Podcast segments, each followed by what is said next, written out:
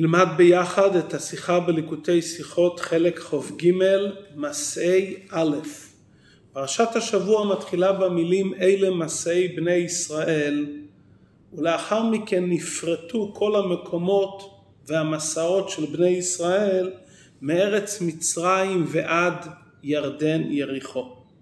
מכיוון שנמנו כאן המקומות שבהם חנו בני ישראל, הרי הפסוק לא בא להזכיר לנו את חלקי הנסיעה שבין החניות. הפסוק בא לבאר את המקומות שבהם הם חנו ועמדו מנסיעתם. ואם כן לכאורה היה מתאים בפסוק לומר אלה חניות בני ישראל ולא אלה מסעי בני ישראל. כלומר אלה הם המקומות שבהם עצרו ונחו מן הנסיעה. יתר על כן, ברוב ועיקר הזמן של 40 שנה שהיו בני ישראל במדבר, הם לא היו בנסיעות ממקום למקום. אדרבה, הם היו במצב של חנייה במקומות החנייה. אם כן, הכתוב צריך להדגיש בסיפור מעבר בני ישראל במדבר את החניות ולא הנסיעות, כי הנסיעות הרי הם אמצעי בשביל החניות. לכאורה, היה אפשר לבאר את הדברים על פי דברי רש"י בסוף פרשת פקודי על הנאמר בפסוק בכל מעשיהם כותב רש"י מקום חנייתן אף הוא קרוי מסע. גם המקום שחנו גם הוא נקרא מסע וכן אלה מסעי. מנמק רש"י והסיבה לכך לפי שממקום החנייה חזרו ונסעו לכך נקראו כולן מסעות. כלומר שהמילה מסעי כולל את שני הדברים, כולל גם את הנסיעה וגם את החנייה. אבל זה גוף עדיין דורש ביור. מה ההסבר שמקום החנייה נקרא בשם מסע? מכיוון, כדברי רש"י, שממקום החנייה חזרו ונסעו. לכאורה הדברים הפוכים. החנייה היא המטרה, היא הסיום של הנסיעה. כוונת הנסיעה ותכליתה זה להגיע למקום החנייה. אם כן, הנסיעה צריכה להיות כלולה בחנייה, ולא שהחנייה כלולה בנסיעה. מה העיקר ומה הטפל? מה האמצעי ומה המטרה? האמצעי זה הנסיעה והמטרה זה החנייה. אם כן הנסיעה צריכה להיות כלולה בחנייה ולא החנייה בנסיעה. ואפילו אם נאמר שהמסע כולל גם את החנייה שבין מסע למסע, זה עדיין לא מבואר לחלוטין, מכיוון שעיקר ההדגשה כאן היא על החניות, ואם כן לא צריך לנקוט בפסוק את מילת מסעי שבעיקרה משמעותה מסע ורק מחדשים ואומרים שמקום החנייה גם הוא קרוי מסע. אבל העיקר הרי זה החנייה ולא המסע. ממשיך הרב בסעיף ב' שאפשר ליישב את הדברים שהמכוון של כל הנסיעות זה בעצם הכניסה לחנייה בארץ ישראל. כלומר התכלית של המסעות זה לא החניות שהיו בהיותם במדבר במ"ב מקומות שבהם חנו, כי התכלית זה המסע שבא לאחר החנייה, שקירב אותם לכניסה לארץ ישראל. ולכן, גם מקום החנייה קרוי מסע, כי גם החניות שהיו במדבר הם לא היו תכלית לעצמם. למרות שעם ישראל היה קבוע באותו חנייה לשעה מסוימת, לזמן מסוים, אבל זה לא היה מקום אידיאלי על מנת להישאר בו. זה היה עצירה והפסק לצורך המשך המסע. כי ממקום החנייה חזרו ונסעו במגמה להגיע לארץ ישראל. אם כן, כל החניות בעצם, לא רק המסעות, אלא המסעות והחניות בהיותם במדבר, זה בעצם כולם מסע במגמה להגיע לארץ ישראל. אבל ההסבר הזה הוא יפה, אבל עדיין לא מיושב כל צורכו. מזה שהפסוק אומר אלה מסעי לשון רבים, מובן שכוונת הפסוק כאן זה לא למכנה המשותף של כל המסעות ולתוכנם הכללי שכולם מצטרף למסע אחד מארץ מצרים לארץ ישראל, אלא הפסוק בא להדגיש את העניין המיוחד שבכל מסע בפני עצמו, שמבדיל אותו משאר המסעות. כפי שרש"י אומר, כאן ישנו, כאן הוכרנו, ולכן זה מסעי לשון רבים. כלומר שהפסוק בא להדגיש את הייחודיות של כל מסע וכל חניה בפני עצמה בהיותם במדבר. וכיוון שהחניה בין המסעות זה המבדיל בין מסע למסע, כי המסע היה שווה בכולם, והחניה הייתה שונה מחניה לחניה, נשאלת השאלה עוד הפעם, מדוע הפסוק אומר אלה מסעי ולא אומר אלה חניות בני ישראל בהיותם בדרכם מארץ מצרים לארץ ישראל. ידועה תורת הבעל שם טוב על הפסוק אלה מסעי בני ישראל, שכל מ"ב המסעות קיימים אצל כל אחד מישראל במשך כל שנות חייו. מאז לידת האדם, במשך כל ימי חייו, האדם נוסע עד שהוא מגיע לארץ החיים העליונה. ועל פי זה מבאר הבעל שם טוב את המסע והחנייה שנקרא בשם קברות התאווה. אומר הבעל שם טוב, קברות התאווה זה בחינת החוכמה, כי שם קברו את העם המתאבים. כלומר, אדם שמגיע למידת החוכמה, בטל ממנו התאוות מרוב דבקותו בו יתברך שמו. אחד מהתכונות של מידת החוכמה זה הרי הביטול וההכנעה. כפי שלמדנו בתניא, החוכמה של הנפש האלוקית זה הביטול כלפי הניצוץ האלוקי שנמצא אצלנו בפנים וכל הזמן שואף לדבקות מתמדת בהשם. וכשאדם מגיע למידת החוכמה שבנפש האלוקית, זה כובש את ההכרה שלו וכל הישות שלו מתבטלת כלפי האלוקות שבנשמתו. הדבקות בבורא הופכת לשאיפה היחידה שלו ואין מקום לתאווה זרה כלשהי. זה נקרא קברות התאווה מקום החוכמה. ממשיך הבעל שם טוב ואומר שכל המסעות הם בחינות קדושים וטהורים וגם המסעות שבהם הייתה הנהגה בני ישראל הפך רצון העליון מצד עצמם המסעות האלו קדושות ומעלות רמות, כדוגמת קברות התאווה, שעניין החנייה הזו זה שבטל מהם כל התאוות מרוב הדבקות. לא רק שאין להם תאוות בפועל, אלא קברו את העם המתאבים, מושללים לגמרי מכל אפשרות לעניין של תאווה, כי דבוקים בחוכמה העליונה. לפי הפירוש הזה, שכל מסע הוא מרמז לדרגה רוחנית נפלאה על דרך מה שהסברנו עכשיו, קברות התאווה, דבקות בחוכמה העליונה, לפי זה עוד יותר מתחזקת השאלה, הפסוק היה צריך לומר אלה חניות ולא אלה מסי. כי ההדגשה היא הרי על החניות שהן מרמזות על המדרגות השונות בעבודת השם. זו למעלה מזו שיהודי צריך להגיע לאותן מדרגות רוחניות במשך שנות ימי חייו. ואם כן לפי הפירוש הפנימי בעניין החניות, אדרבה צריך להדגיש דווקא את שמות החניות ולא את חלקי המסעות שבין חניה לחניה. ממשיך הרבה בסעיף ד' ביור הדברים. סדר הנהגת האדם בחיי האדם, שהאדם יהיה תמיד בתנועה של מסע. שיהיה מהלך. כפי שלמדנו בחסידות ההבדל בין עמידה להליכה בעבודת השם. עמידה פירוש שהאדם עומד על מקומו וגם שהוא עולה מדרגה אחת לדרגה גבוהה יותר זו עלייה יחסית בערך. כלומר יש יחסיות בין מדרגה אחת למדרגה שמעליה. ואם כן האדם בעצם לא הולך לחלוטין ממדרגה למדרגה. הילוך פירושו שהאדם עולה ונעתק למדרגה שהיא לגמרי שלו בערך למדרגתו הקודמת. שהמדרגה הגבוהה היא באין ארוך למדרגה שלפניה. זה נקרא הליכה אמיתית. יש לזה כמה דוגמאות. ישנם דרגות שונות בתלמידים, סוגי תלמידים שונים, אבל כל התלמידים הם יחסית בערך זה לזה. מה זה דוגמה שלא בערך?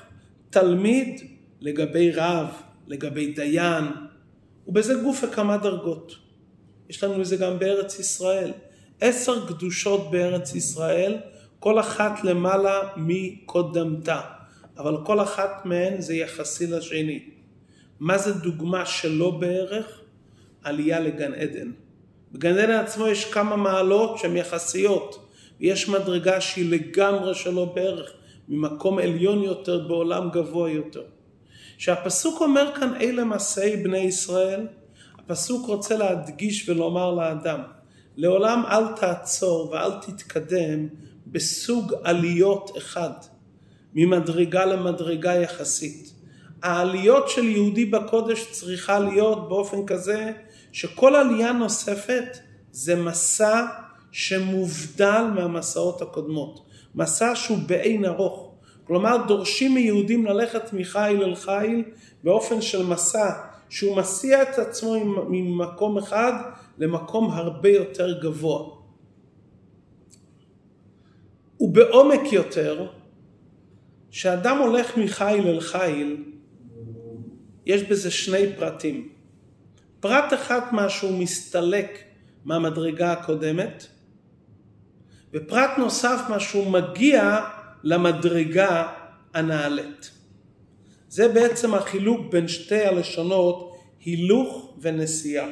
הילוך מדגיש שאני הולך ומתקדם למדרגה גבוהה יותר, אני בכיוון כלפי מעלה.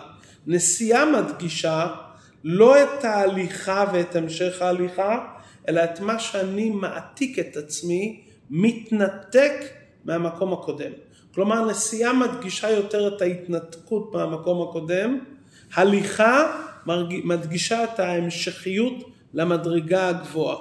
כמו שכתוב, ניסה ונלכה, נסו מזה, ויסע משה את בני ישראל מים סוף. נסיעה זו עקירה ממדרגה הקודמת.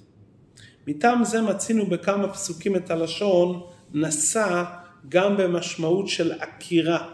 אתה עוקר את עצמך ממקום אחד למקום אחר, אבל ההדגשה בנסיעה זו העקירה. כמו שנמצא במסכת בתלמוד ירושלמי, הסיח דעתו. הסיע דעתו. כלומר, הוא הסיח את דעתו לחלוטין מהמקום שבו הוא היה לפני זה. כלומר, היסח הדעת והעקירה מהמצב הרוחני בו הייתי. כמו שמצינו לגבי הנחת תפילין, שעל פי דין מה נקרא היסח הדעת? שאדם עומד בשחוק וקלות ראש.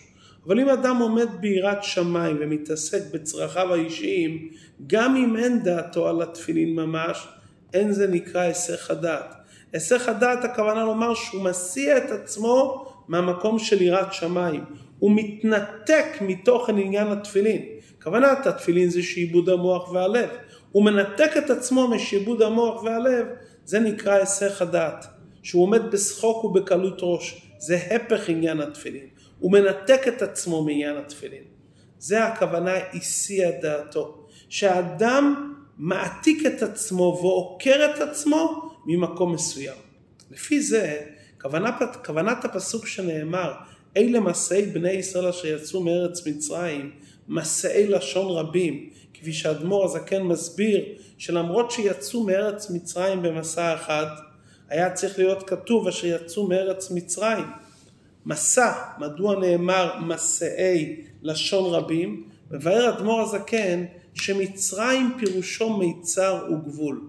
וכל זמן שהאדם לא מגיע לדרגת ירדן יריחו, שזה ארץ ישראל והגאולה, הוא עדיין נמצא במצרים, הוא נמצא במיצרים וגבולים. כלומר, הוא בעצם עדיין לא התנתק מארץ מצרים. נכון שהוא הולך קדימה, אבל הוא עדיין לא התנתק. אלה מסעי בני ישראל, כוונת התורה לומר, בכל מסע צריך להיות יציאת מצרים, ניתוק מהמיצר הקודם. ולכן נאמר אלה מסעי בני ישראל ולא אלה חניות. שמדגישים חניות, מדגישים את המדרגות שהשגת. איפה אתה הגעת בעבודת השם. אבל ההדגש כאן באלה מעשי בני ישראל זה לצאת ממצרים. ולצאת ממצרים זה לא על ידי אותן מדרגות שקיבלת והתחברת איתם. לצאת ממצרים זה יציאה מהחנייה הקודמת, יציאה מהגבול הקודם, אפילו אם מדובר על גבול דקדושה, אפילו אם מדובר על מיצר דקדושה, מתי זה נקרא יציאת מצרים? שאתה מתנתק מאותו מצב חיובי. ואתה לא נעצר באותו מדרגה. ולכן אם אתה נשאר באותו חנייה רוחנית, גם אם חנייה קדושה, עדיין לא נסעת ולא יצאת ממצרים. המטרה להעתיק את עצמך מכל המיצרים. ולהעתיק את עצמך מכל המיצרים זה על ידי שאתה נוסע ועוקר את עצמך מהמקום החיובי שהיית בו אתמול או שלשום, שהוא נקרא בשם חנייה. ולכן אם היה כתוב חנייה או הליכה, זה היה מדגיש את ההתקדמות, אבל לא את היציאה האמיתית מארץ מצרים. מכיוון שיציאה אמיתית מארץ מצרים זו עקירה שהאדם עוקר את עצמו מקום אשר יצאו מארץ מצרים, לכן נאמר מסעי ולא נאמר חניות. כלומר ההבדל בין הליכה ונסיעה, הליכה מדגישה התקדמות לשלב הבא. נסיעה מדגישה את העקירה מהשלב הקודם. אלה מסעי כל מסע יש כאן יציאה ועקירה מהמיצרים וההגבלות של המסע הקודם. ולכן הפסוק אומר אלה מסעי, כי הוא רוצה להדגיש שיציאת מצרים מושלמת לא מושגת על ידי חנייה. אותן דרגות שהגעת אליהן ואתה חונה בהן, זה לא יוציא אותך ממצרים. היציאה ממצרים תהיה דווקא על ידי המסעות, על ידי העקירה המתמדת, שאדם עוקר את עצמו כל פעם מהמסע הקודם, מהגבול הטוב החיובי שהוא היה, זה מוציא אותו באמת מהמיצרים והגבלות. זו היציאה האמיתית מארץ מצרים. הסבר נוסף בזה, כפי שהזכרנו לעיל, שמ"ב המסעות זה רמז לזמן הגלות, שעם ישראל נמצאים במדבר העמים. כשם שיש את זה בחיי האדם הפרטי, כן יש את זה בחיי עם ישראל כעם. והחניות שבמדבר, בחלקם היה בהם ירידה וגלות. כלומר עם ישראל שהו במדבר העמים. היו מקומות שבהם הכיסוני, שבהם, שבהם בוודאי המסע היה עניין של ירידה. והנה גם חניות אלו שעם ישראל הכיסו, גם הם נקראים בשם מסע שמורה על נסיעה ועלייה.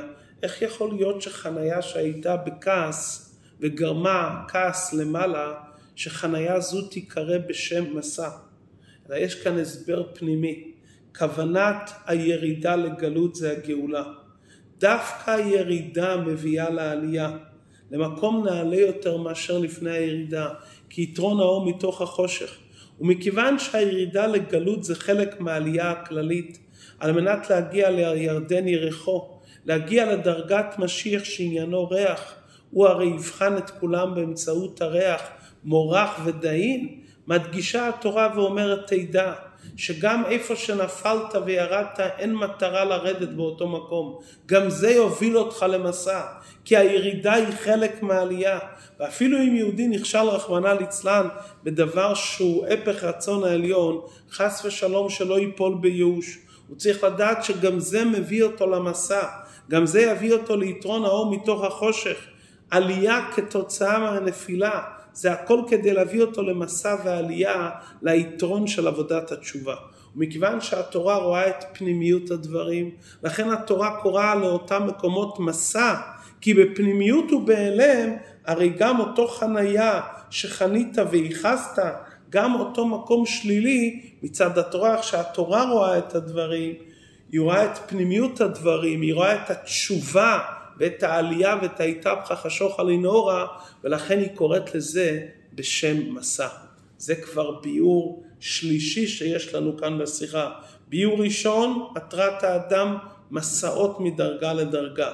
ביאור שני, היציאה מארץ מצרים זה רק על ידי נסיעה ועקירה ולא על ידי חנייה. ביאור שלישי, גם עניין של חנייה שלילית בפנימיותה התורה רואה את העלייה שתהיה לאחר מכן, ולכן התורה, התורה קוראת לזה בשם מסע. עכשיו נבין מדוע את פרשת מסי קוראים בימי בין המיצרים בסמיכות לראש חודש מנחם אב, שמגיע הימים הללו של בין המצרים ותשעת הימים, שמזכירים לאדם את גודל הירידה שבגלות האחרון. האדם יכול ליפול חס ושלום בייאוש. אומרת לו התורה, אל תהיה מושפע מזה, אל תיפול בייאוש חס ושלום מהגלות המר. תזכור שכל זה כדי שאנחנו נשנה את זה ונהפוך את זה, איתפחה, אנחנו נהפוך את זה לחיוב. הקדוש ברוך הוא יהפוך לנו את זה למסע, לעלייה. בימים אלו שאנחנו מוסיפים בחיות יתרה, בהתלהבות יתרה ובאור גדול של אור אל התורה, במיוחד בלימוד הלכות בית הבחירה, שעל ידי זה עוסקים בבניין הבית, ואין בניין ביתי בטל, זה יאיר את ימי בין המצרים, זה יביא לגילוי את המשמעות הפנימית של כל המסעות של הגלות, זה יגלה את העלייה ואת המסע העיקרי שיהפכו ימים אלו לששון ולשמחה ולמועדים טובים במהרה בימינו ממש.